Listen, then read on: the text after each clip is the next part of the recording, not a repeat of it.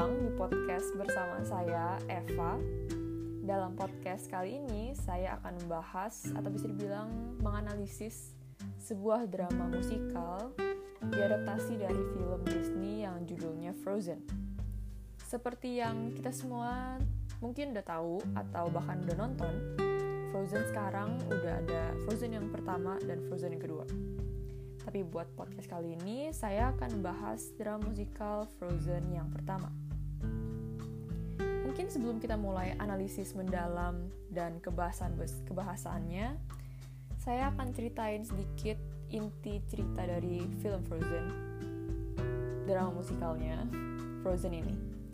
Dimulai dari sebuah keluarga kerajaan yang punya dua anak. Yang anak pertamanya perempuan bernama Elsa dan anak bungsunya juga perempuan bernama El bernama Anna. Wow, jadi dua-duanya Elsa. Jadi mereka dari kecil itu akrab banget. Tapi ada satu momen di mana mereka lagi main dan akhirnya nggak sengaja Elsa nyakitin Anna. Orang tuanya akhirnya misahin mereka supaya aman merekanya.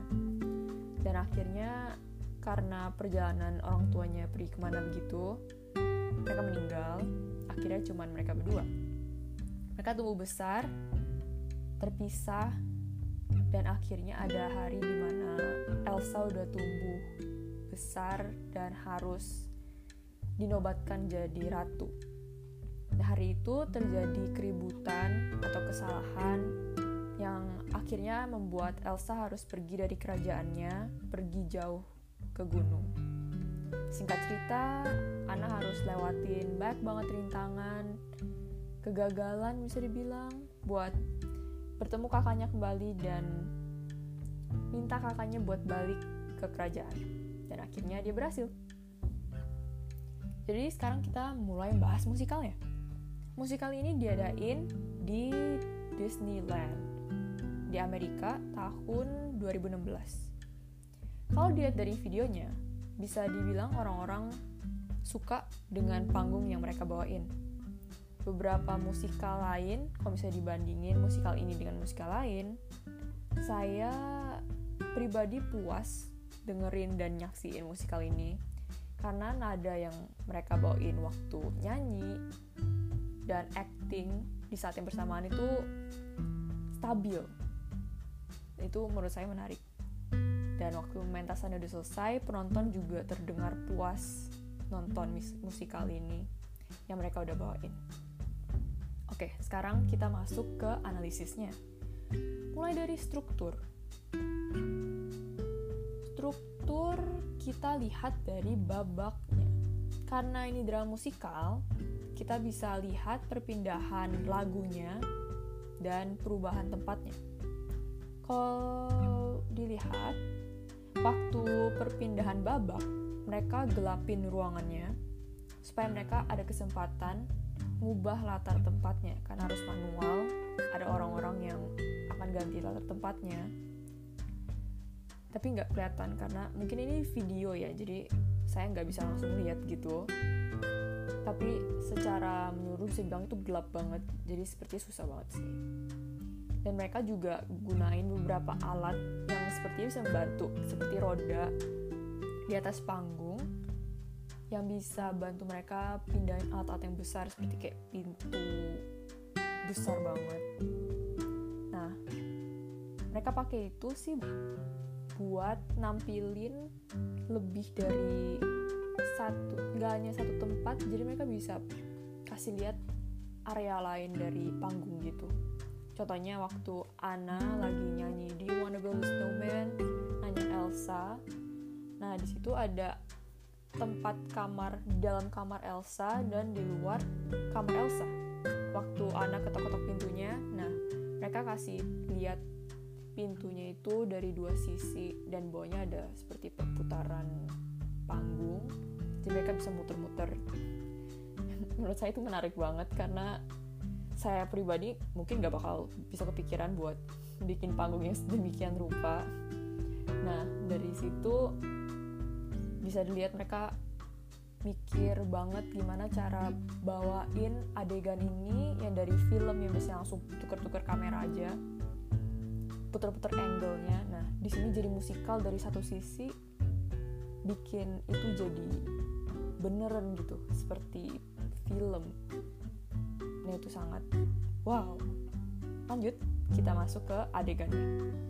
Dari videonya seperti yang tadi saya bilang lampunya dimatiin waktu pindah adegan lalu mereka siapin ke adegan lainnya itu biar udah siap semua baru nyalain lampunya gitu.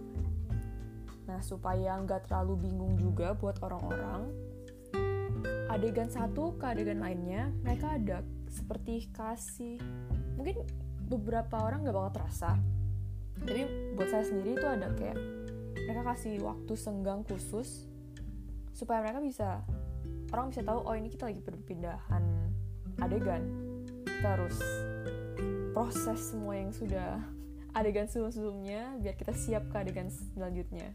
Misalnya ada adegan di mana Ana udah makin besar jadi perubahan tokonya mereka keluar dulu misalnya dari kecil. Anak ke anak kecil keluar dari panggung nah mereka kasih beberapa detik baru anak kedua besarnya masuk lagi ke panggung. Jadi di situ ada oh kita tahu ini Ana. Cuman mereka Ananya ini udah besar nah gitu. Bajunya juga digantikan jadi mereka tahu oh ini Ananya sudah besar gitu. Tempatnya juga diubah pastinya karena waktu berjalan tempat juga berubah semuanya berubah.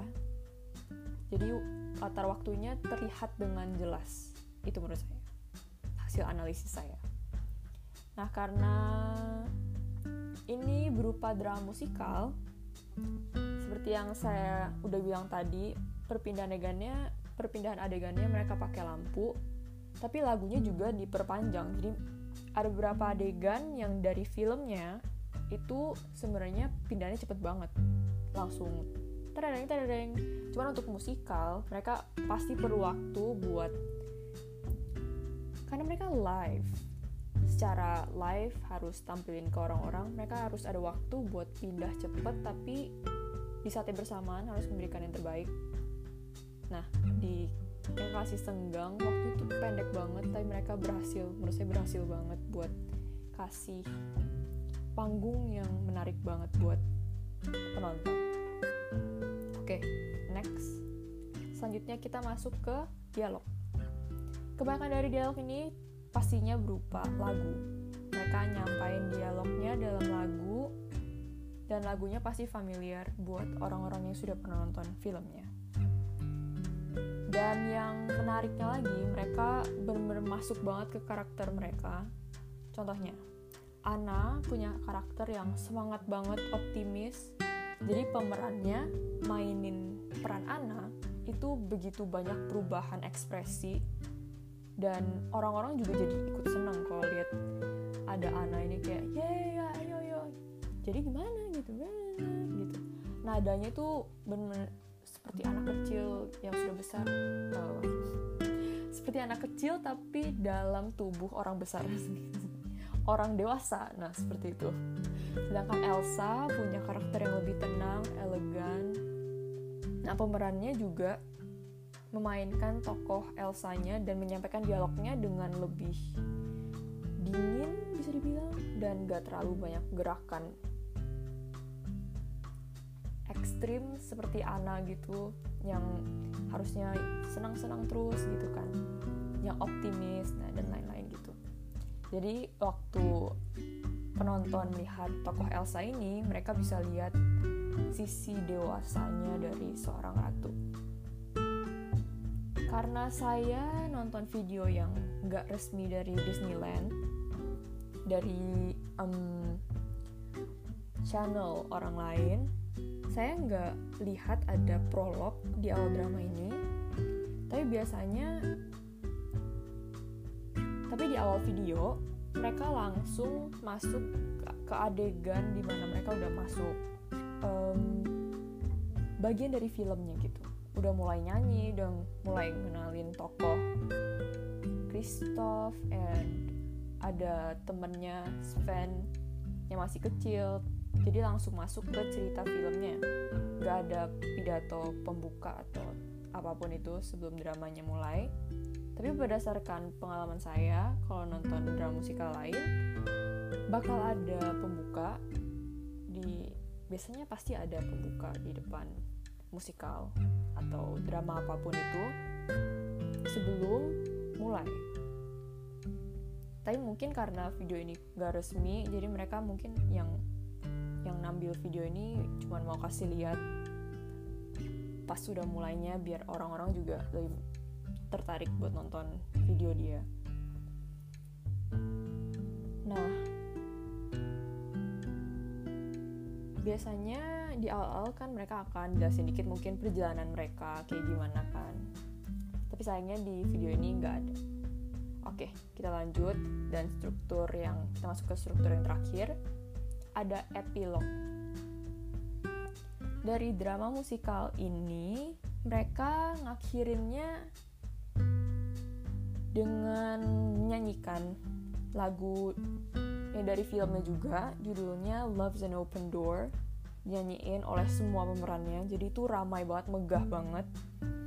Mereka rekap kembali semua pemeran yang udah main di drama musikal ini sambil nyanyi lagu tersebut. Jadi kayak satu orang ma maju tapi semua orang sambil nyanyi gitu. Kayak ye kayak fashion show. Fashion show musikal.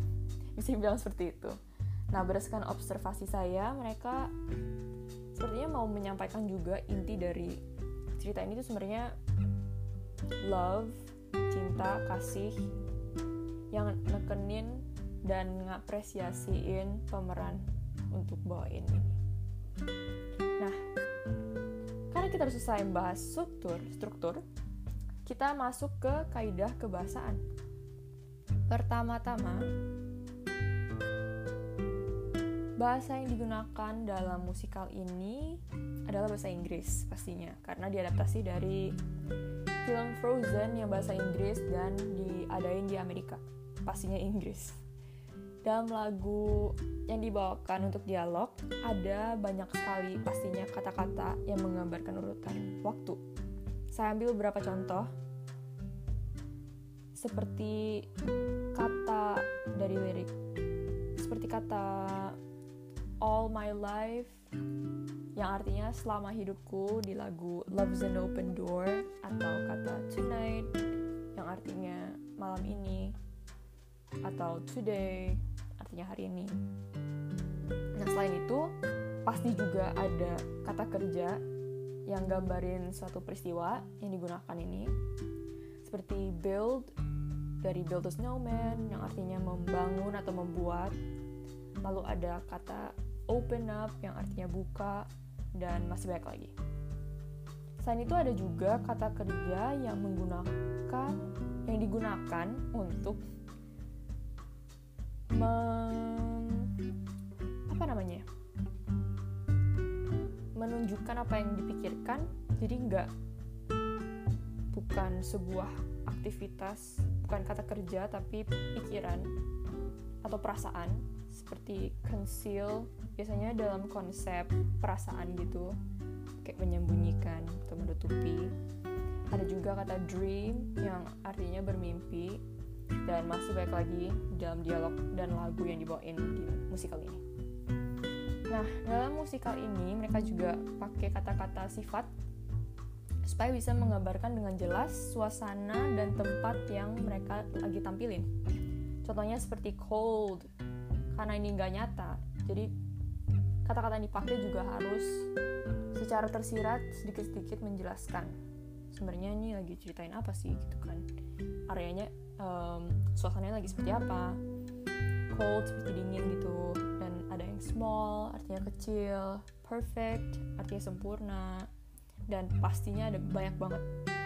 Gak hanya kata-kata satu-satu kata ini mereka juga pakai beberapa perumpamaan atau idioms kalau saya nggak salah dengar yang sebenarnya masih mudah dimengerti karena ini acara anak kecil film anak buat anak-anak dan dibawain di Disneyland yang banyak anak-anak pastinya.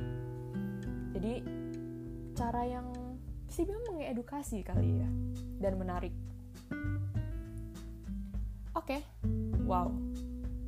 Nggak terasa kita udah selesai aja nih sebenarnya analisisnya dan mungkin saya bisa bagi dikit apa yang saya rasain ketika nonton musikal ini. Karena saya sebelumnya belum pernah nonton sebelum melakukan analisis ini. Drama musikal ini karena saya udah nonton filmnya jadi saya mungkin ya sudah tahu ceritanya jadi takutnya saya bosen lagi nontonnya. Karena ini satu jam juga satu jam lebih lebih cepat daripada filmnya untungnya. Nah waktu awal musikal ini dimulai lagu yang dibawa ini tuh sebenarnya sama aja. Cuman karena live langsung oh ada orang yang lakuin ini dan tempat-tempatnya juga apa ya tidak saya tidak expect itu buat terjadi biar mereka bisa bawa ini tuh segitunya gitu. Kayak tidak di wow gitu. Saya kehilangan kata-kata. Pokoknya wow gitu kan. Nah karena saya udah nonton seperti tadi saya bilang jadi saya penasaran kan musikal tuh sebenarnya kayak gimana dibawain ya. Beda banget kayak sama filmnya? Kenapa orang-orang mau nonton musikal ini dan dari video sih ramai banget. Dan berhasil mereka bawain itu. Jadi saya lihat musikal ini emang cocok banget buat anak-anak. Dan pemain sama penulis tuh emang sengaja buat bawain cerita ini dengan ada beberapa bahasa yang sepertinya beda sama filmnya. Karena film bisa pakai subtitle ada subnya di bawahnya gitu. Cuman ini kan live jadi mereka harus menggunakan pelafalan yang lebih lebih jelas. Jadi orang-orang bisa dengar dengan jelas apa yang sebenarnya mereka mau omongin. Jadi profesional buat menurut saya. Bagus jelas. Dan pastinya yang paling menarik perhatian saya ini di awal saya udah bilang suara pemainnya tuh stabil banget mereka nyanyi itu bener kayak lagi udah pre-recorded. Jadi kayak sebelumnya tuh di, udah direkam terus di play gitu. Tapi kalau dilihat ada mulut dan suaranya tuh cocok banget. Jadi saya ya asumsi itu langsung live pastinya. Jadi mereka lagi lari tapi suaranya tetap wow tetap stabil tetap lagi rata gitu. Enak banget pokoknya dan itu menurut saya itu berarti profesional banget. Udah latihan berkali-kali pastinya dan mungkin saya bisa nonton berkali-kali lagi. Nggak nggak bisa langsung bosen. Merinding saya nontonnya pas akhir itu udah nyanyi bareng-bareng lagi rekap semuanya udah kayak closingnya. Uh, itu bagus banget. Ah oke. Okay. mungkin itu aja untuk podcast kali ini semoga podcast ini bisa mungkin nambah pengetahuan seputar drama musikal ini dari sisi struktur dan kebahasaan drama musikal drama secara menyeluruh. Atau mungkin bisa jadi bahan referensi dan rekomendasi buat kalian yang suka nonton drama musikal yang mungkin lagi cari mau nonton apa lagi ya.